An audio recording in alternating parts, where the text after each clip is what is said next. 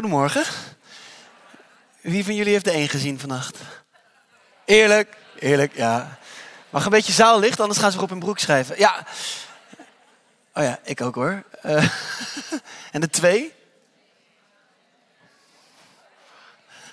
De drie? Ja, het hele Eva-team. Ik was vlak voor de twee. ik uh, was gisteren nog in Club Nautiek, de, de, de beach, beach ding. Ja, ja, jullie ook. En daar hebben we liedjes gezongen en dat was ontzettend leuk. Ik stond er versteld van, want ik had de gitaar mee en mijn eigen liedjes gewoon. Maar die bleek heel veel mensen gewoon ook te kennen. Dus ik had een enorm vrouwenkoor ineens onverwacht als begeleider. Wat ik heel leuk vond.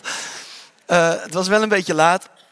En, uh, en ik kwam gisteren wat, wat laat aan in mijn kamer. Ik slaap hier, uh, nou, waar het dan ook is, in een hotelkamer.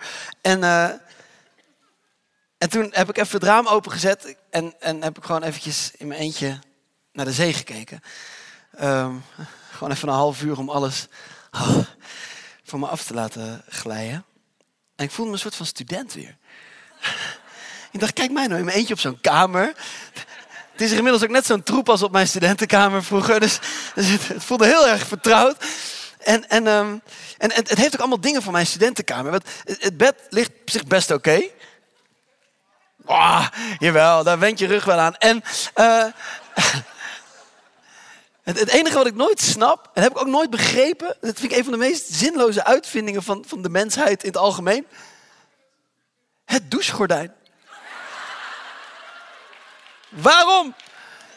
Waarom? Ik douche in bad. Daar hangt zo'n gordijn. Ja, dat moet hier. En ik kan ook wel buiten bad douchen, maar dan wordt het zo zooi. En, en dat gordijn, dat, dat leidt altijd een eigen leven. Dat ding begint continu voor zichzelf. Ik straal dan met de douche op het bad om hem vast te plakken. Doen jullie dat ook? Ja? Ja. ja. Maar komt steeds terug. Er hangt een shampoo dingetje aan de muur. Ik heb het zelfs met shampoo vastgeprobeerd te plakken. Het komt nog steeds terug. Dan had ik in mijn studentenkamer ook zo'n douchegordijn. Wat gewoon je benen de hele tijd aanvalt. Verder heb ik een heerlijk weekend. echt, ik heb echt een heerlijk weekend. Ik geniet enorm van jullie. En ik vind het een voorrecht om hier te zijn en, en wat met jullie te mogen delen. Uh, zo af en toe. En, uh, en we gaan naar, naar een, soort afronding van het verhaal. Want de, de, de musical is, of mag ik geen musical noemen toch? Hoe moet ik het noemen? Musical, de musical uh, is, is afgelopen. De bruiloft, het grote feest. En, um, en dat is niet het einde van het verhaal in de Bijbel. Er is een bruiloft en er is nog een stuk achteraan. En dat wil ik zo met jullie lezen. En dit, hele weekend staat natuurlijk in het teken van Rut. En ik heb al zoveel dingen over Rut voorbij horen komen. Hoe je een vriendin kunt zijn als Rut. Dat je op weg mag gaan met Rut. Ik wil trouwens ook naar Ierland met Trinity. Even tussendoor. Maar uh, ik, zal, ik zal Albert wel vragen of ik ze een hoorn mag dragen of zo. Dan staat hij vast wel voor open. Kan alleen niet dansen. Maar, um, geheel terzijde. Weet je, op weg met Rut, vriendinnen als Rut. Ik zag achter al een soort, jij hebt je al van die winkeldingetjes, van die vrouwen dingen. Uh, dingen. Dat je theepakket van Rut en zo. En je, je kunt tot rust komen met Rut. En naar bed gaan met Rut. Dat net niet, maar het scheelt. Leven met Rut, leven als Rut, leven door Rut, autorijden met Rut, zo meteen naar huis gaan als Rut, we doen alles als Rut. Man, die vrouw heeft nog nooit zoveel aandacht gekregen. Het is jammer dat ze het zelf niet meer mee kan maken. Handlettering met Rut.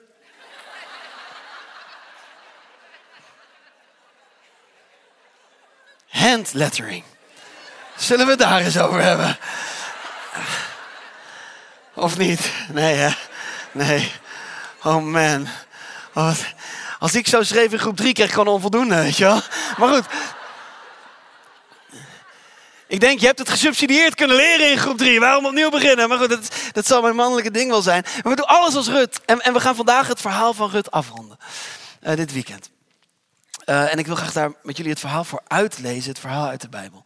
En ik, ik stop niet helemaal aan het einde, want in de Bijbel komt er nog een geslachtsregister achteraan. Vanaf vers 18. Dat is een heel bijzonder geslachtsregister. Daar ga ik later wel wat over vertellen.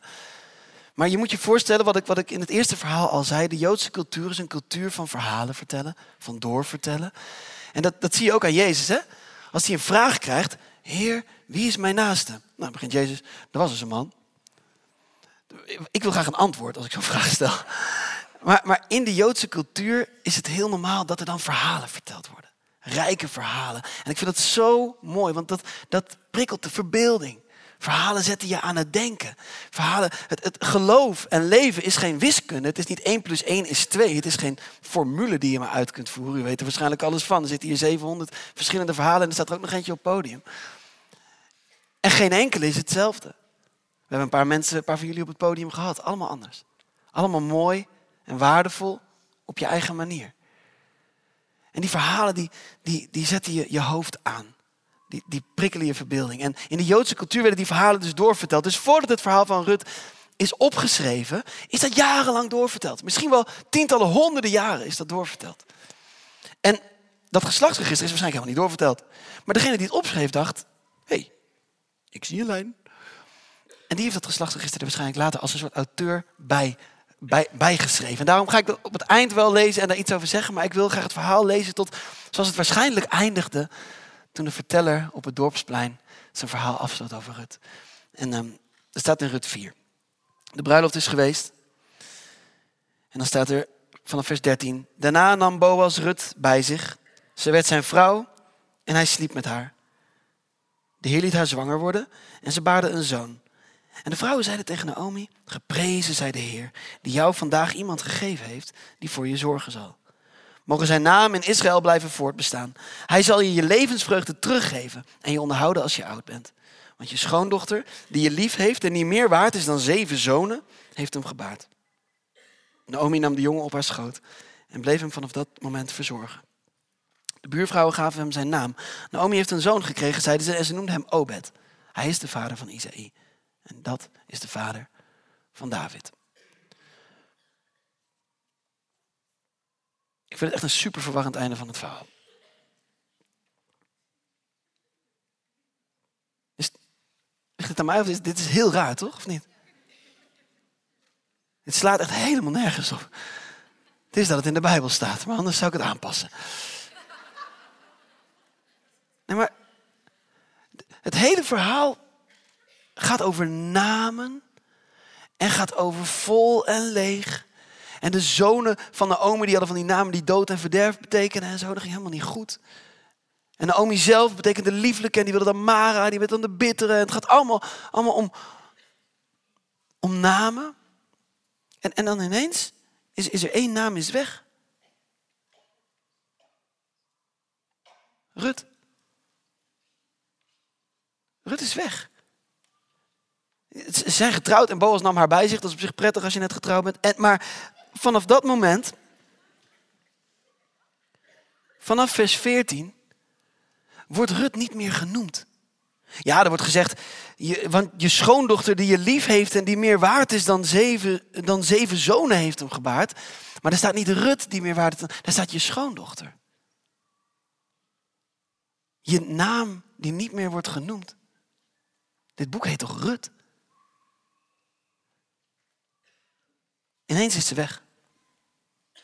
Ineens staat ze in de kantlijn. Ineens heeft ze de bijrol in het verhaal. Ik heb het een paar keer gelezen en ik dacht, dit is heel raar. Het boek heet Rut. Ik heb het een paar keer natuurlijk gelezen, ook, ook onderweg naar dit weekend toe. Het boek heet Rut. Maar het is eigenlijk het verhaal van Naomi. Het boek had ik denk als we het nu zouden schrijven, stel ik had het boek geschreven en ik had het uit moeten brengen, had ik het waarschijnlijk Naomi genoemd. Want het verhaal van Naomi krijgt veel meer aandacht dan het verhaal van Rut. We kennen iets van haar voorgeschiedenis, haar zoons, haar, haar vertrek en haar terugkeer, hoe de vrouwen over haar dachten. Haar, haar verdriet wordt het meest uitgediept. Zij, zij krijgt de klaagzang naar God in het verhaal. Waar bent u dan? Hij heeft zich tegen mij gekeerd. En nu krijgt Naomi ook nog de apotheose, de vreugde, het, het, het prachtige einde.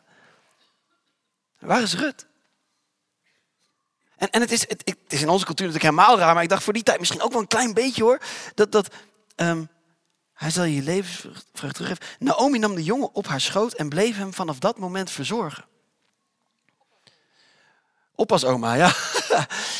die van mij die komen een dag hier als ik mazzel heb. Maar Nee, maar dat is toch Is, is Rut overleden? Moet, moet Naomi daarom voor haar zorgen? Is ze er nog wel? Waar is, waar is Boas? Waar is de losser? Kijk, en ik vind het heel mooi dat, dat ik, ik heb, ik heb mijn, mijn schoonouders ook met mijn kinderen gezien, ook toen ze net geboren waren. En dat gaf mij heel veel vreugde. Dat was mooi. Het is mooi om, om, om de, de ouders van mijn vrouw naar onze kinderen te zien kijken. En, en, en een soort van, we hebben ze vernoemd ook met namen die teruggaan op, mijn ouders en de ouders van Annemieke, mijn vrouw. Zodat, om ze in de geslachtslijn te plaatsen, in, in de generaties te plaatsen. Ehm, maar ik, ik, zal heel eerlijk zijn, en dat weten mijn schoonouders. Uh, ik, ik vond het net iets bijzonderder toen ik mijn eigen ouders zag met mijn kinderen. Toen ik mijn vader zag met mijn oudste zoon. Toen dacht ik, ja, dat is nu de oudste zoon van je oudste zoon. Daar, daar, daar had ik even iets mee. Ik stond even met een brok weg te slikken in het ziekenhuis. Ruts ouders zijn er helemaal niet. Dus, dus Rut krijgt een zoon. Haar schoonmoeder neemt het kind op schoot. Zijn eigen ouders, waarschijnlijk nog in Moab of overleden, maar die zijn uit beeld. Hè? Dus denk je in dat, het, het, lijkt, het lijkt een soepel verhaal van Rut, maar dat is het helemaal niet. Want dan voel je ineens op zo'n moment het gemis. Net als die ene bruiloft waar je bij was en, en waar een van de ouders niet meer bij kan zijn. Ineens voel je hoe erg je mensen mist op dat soort momenten in je leven. Naomi nam de jongen op haar schoot en bleef hem vanaf dat moment verzorgen. De buurvrouwen gaven hem zijn naam. De buurvrouwen. Ik heb ook buurvrouwen. Ik, ik moet er niet aan denken. Dat je zo'n referendum uitschrijft onder de buurvrouwen. Briefje door de bus hey, we hebben een zoon gekregen. Hij heeft alleen nog geen naam. Kun je even helpen? De meeste stemmen gelden. Doe normaal. De buurvrouwen gaven hem zijn naam. Niet Boas, niet Rut, zelfs niet de schoonmoeder. Nee, de buurvrouwen gaven hem zijn naam. Naomi heeft een zoon gekregen, zei ze. En ze noemden hem Obed. Ja, van je buurvrouw moet je het hebben, zullen we maar zeggen. Maar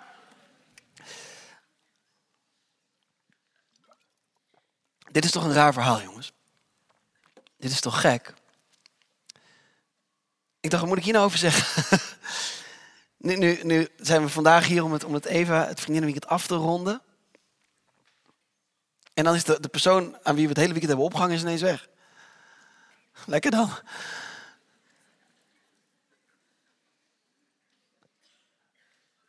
Maar toch heeft Rut ook hier iets heel moois te vertellen aan ons allemaal denk ik.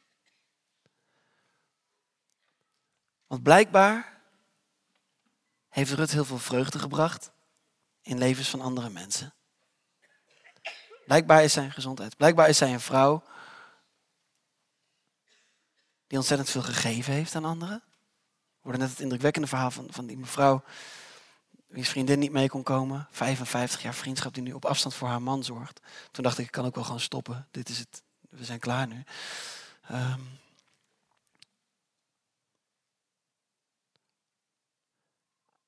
weet je, als Rut ons één ding leert, en dat is misschien niet wat je vandaag wil horen. Misschien zit je hier en denk je, nou nu komt het. Nu, nu, uh, als Rut ons één ding wil leren, denk ik, is het dat het niet om jou gaat.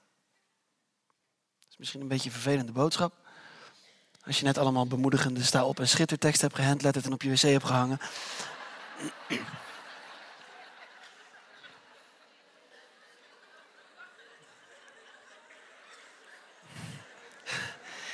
Er zit veel te veel herkenning in die lach, dames. Echt, echt veel te veel.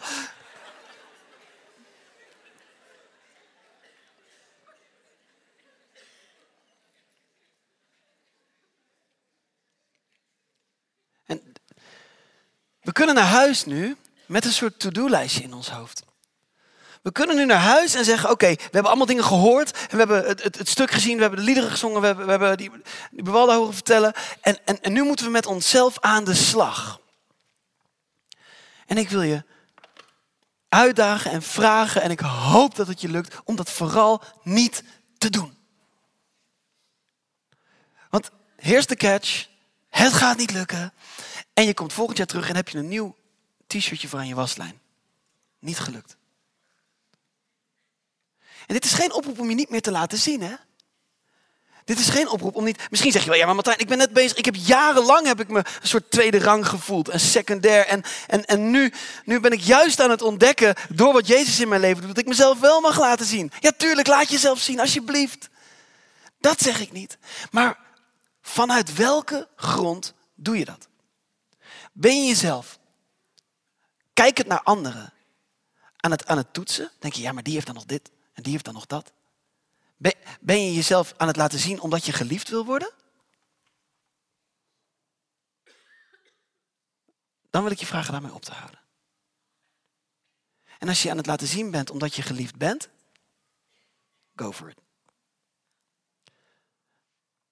Wat er ook met Rut is gebeurd, het allerbelangrijkste in het verhaal van Rut, het kantelpunt van haar hele leven, is dat zij haar losser heeft ontmoet dat ze door Hem geliefd is. Dat ze feest hebben gevierd. En dat Hij haar bij zich heeft genomen. Dat is het kantelpunt van Ruts hele leven. En daarna verdwijnt ze uit het verhaal. Is dat erg? Zeg het maar. Ik weet het niet. Maar het was pas heel erg geweest als ze wel was verdwenen, maar niet haar verlosser had ontmoet, toch?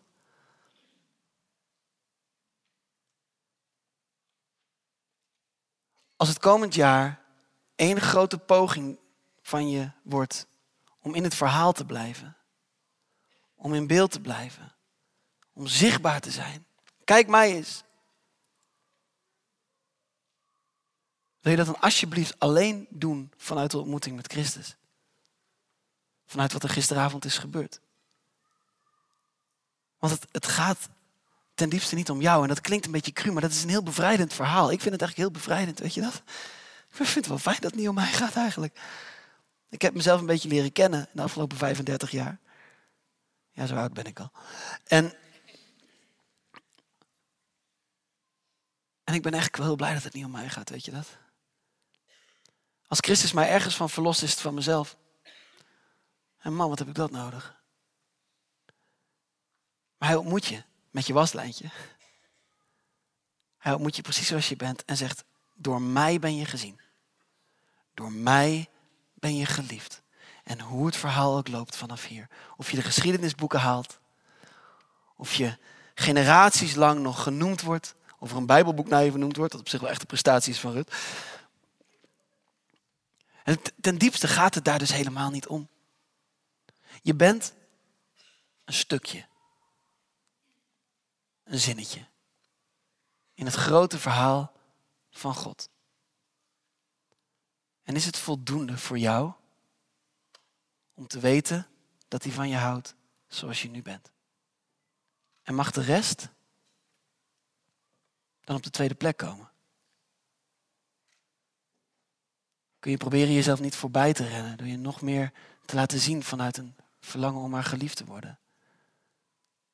Dat is eng, hè? Dat betekent misschien dat je sommige dingen los moet laten. Dat betekent dat je sommige situaties misschien zelfs wel moet zeggen: het gaat misschien wel niet om mij. Of mijn gelijk, ook al heb ik dat. Dat je misschien soms moet zwijgen. Dat je uit het verhaal moet stappen. Dat je het even aan de buurvrouwen moet laten. Of aan je schoonmoeder. Ja, die spannende snap ik. Maar Maar is dat oké? Is dat oké? Wil je deel zijn van het koninkrijk dat God aan het bouwen is? Of wil je jezelf nog een jaar voorbij lopen om je eigen koninkrijkje te bouwen? Zeg het maar. Je hoeft niet nog meer te doen om mooi te zijn, want je bent het al. Je hoeft niet nog meer te doen om geliefd te worden. Want dat ben je al. Je hoeft niet nog meer te doen om erbij te horen. Want dat hoor je al. Christus heeft je ontmoet.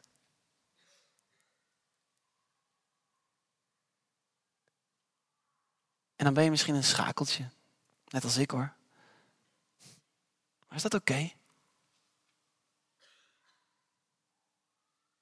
Misschien is dat wel het meest radicale tegengeluid dat we kunnen laten horen, toch? In een wereld die gaat over zichtbaarheid en over Instagram en over Facebook en over likes en over, over iemand als je jezelf wel laten zien en je opvechten en, en een plek innemen en een positie pakken en geëmancipeerd zijn en al die dingen. Misschien is dat wel het meest radicale tegengeluid dat we kunnen laten horen. Dat we zeggen, ja, we zijn er voor jou, maar het gaat niet om ons. We zijn er voor Christus. Het gaat om Hem. En we zijn door Hem geliefd. En we zijn door Hem gekend. En, en het kan zo'n ontspanning geven. Als het mij af en toe lukt om dat op me door te laten dringen, dan denk ik, wauw. Het hoeft even niet. En ik ken de strijd wel hoor. Ik wil graag de perfecte vader zijn. En dat ben ik niet. Ik wil graag de perfecte man zijn. Dat ben ik ook niet. De perfecte spreker, de liedjesmens, de alles. Ik ben het allemaal niet. En dan kan ik keihard tegen mezelf aanlopen. Maar de momenten dat ik besef dat ik van mezelf gered ben, zijn de momenten waarop ik daar het meest ontspannen mee om kan gaan. Je bent al geliefd. Is dat genoeg voor jou? Oh ja, en wat je dan stiekem wel even moet onthouden is dat je niet zomaar in de geslachtslijn staat. Hè? Het geslachtsregister. Dit zijn de nakomelingen van Peres.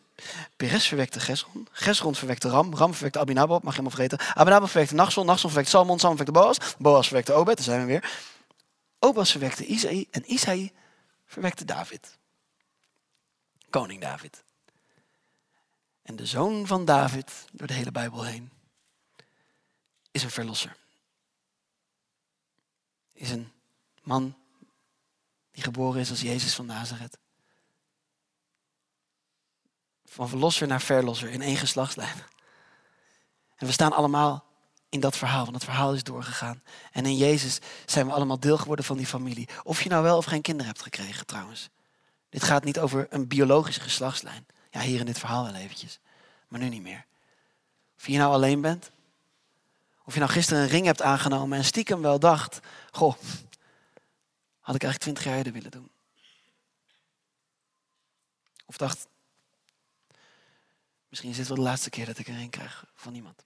Ik bedacht me dat, toen ik gisteren klaar was, ik zag jullie allemaal naar voren lopen, dacht ik, poh. Dat is er ook. Maar dit gaat niet over een biologische geslachtslijn. Jij mag sterke schouders zijn. Jij mag schouders zijn waar andere mensen op kunnen staan. Je geestelijke kinderen, je geestelijke familie, je vriendinnen, de mensen in je kerk, je neefjes of je nichtjes of je eigen kinderen, dat mag ook. Je kleinkinderen misschien wel. De buurvrouwen. Voor hen mag je sterke schouders zijn. Voor hen mag je iets van Christus zijn.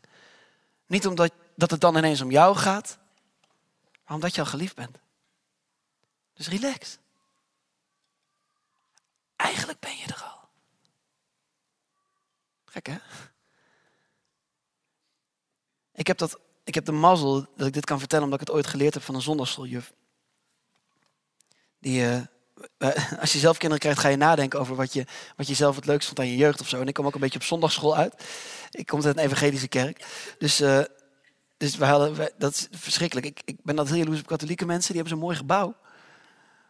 De evangelische kerk is dan zo, ja die huren een school of zo. Dan zit je dan.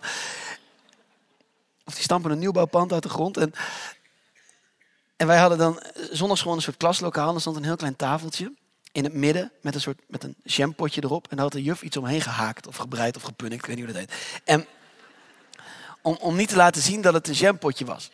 Maar, maar ja. Maar ze was het deksel vergeten. En er stonden gewoon twee aardbeien op. Dus het was toen wel klaar.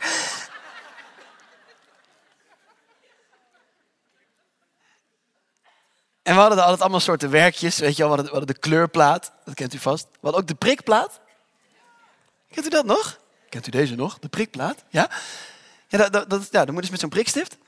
En dan moet je zo over zo'n over zo'n lijntje heen rammen. En dan, heb je zo hup, een bijbelfiguur.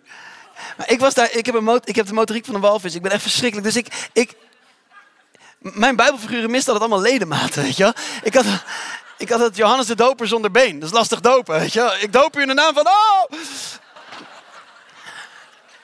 Ging nooit goed bij mij. En op vader en moederdag mochten we dan kleien. Vonden sommige kinderen heel leuk. Had ze een quote van Michelangelo, de bekende kunstenaar.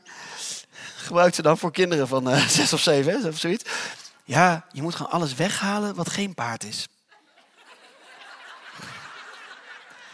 Dat schijnen ze ooit aan Michelangelo gevraagd hebben toen hij aan het beeldhouden was. Van, hoe maak je nou van dit rotsblok een paard? Hij zegt, ik hak gewoon alles weg wat geen paard is. Ja, wist ik veel. De enige connotatie die ik had met klei en met paard is dat je mijn gegeven paard niet in de bek moest kijken. Maar verder ja. Ik heb uiteindelijk geleerd dat je altijd. Ik zat een keer naast een jongen en die zei: Martijn, Martijn. Alex was het. Ik zeg ja. Jij bent niet zo goed in kleien. Dus ik zei: nee, nee. Ik zeg: weet je wat je dan moet doen? Nou moet je een vuist maken van je hand. Die duw je dan heel voorzichtig in de klei. Dan haal je hem eruit. Dan heb je een asbak. Maar, maar mijn ouders roken helemaal niet. En toch heb ik elke vaderdag en elke moederdag een anders gekleurde asbak gegeven. Ik heb één keer gezegd dat het een vogelnest was voor de variatie, maar het was gewoon een asbak. En mijn broertje kan ook niet kleien. Dus ik heb op een dag tegen hem gezegd: Stefan, ja, weet je wat jij moet doen? Nou ja, goed, dus ik kreeg ze nog een asbak. En daarna was er het verhaal. En, uh, en ik, het zal vast niet helemaal theologisch verantwoord zijn, maar de, ik, ik weet gewoon nog heel erg goed dat, dat mijn zondagsschooljuff altijd eindigde het verhaal met: En dat betekent dus dat Jezus heel veel van je houdt. En ik, als ik nu de Bijbel lees, denk ik, God, dat je dat al die verhalen hebt kunnen halen. Weet je, ongelooflijk, wat een theologisch inzicht. Maar, maar ik heb dus elke zondag te horen gekregen van die mevrouw met het shampootje. Dat Jezus dus heel veel van mij, elke zondag, dat Jezus heel veel van mij houdt. Niks anders, alleen dat. Het is gewoon ingeramd bijna, heel liefdevol.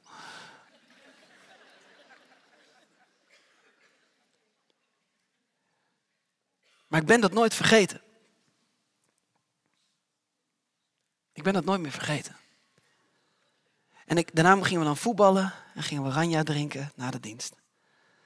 En dan gaven we ons werkje aan papa en mama. Dan ging ik naar buiten en ik wilde ook niet voetballen. Dat is die motoriek weer.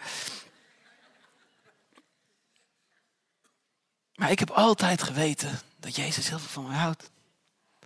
En ik sta hier niet.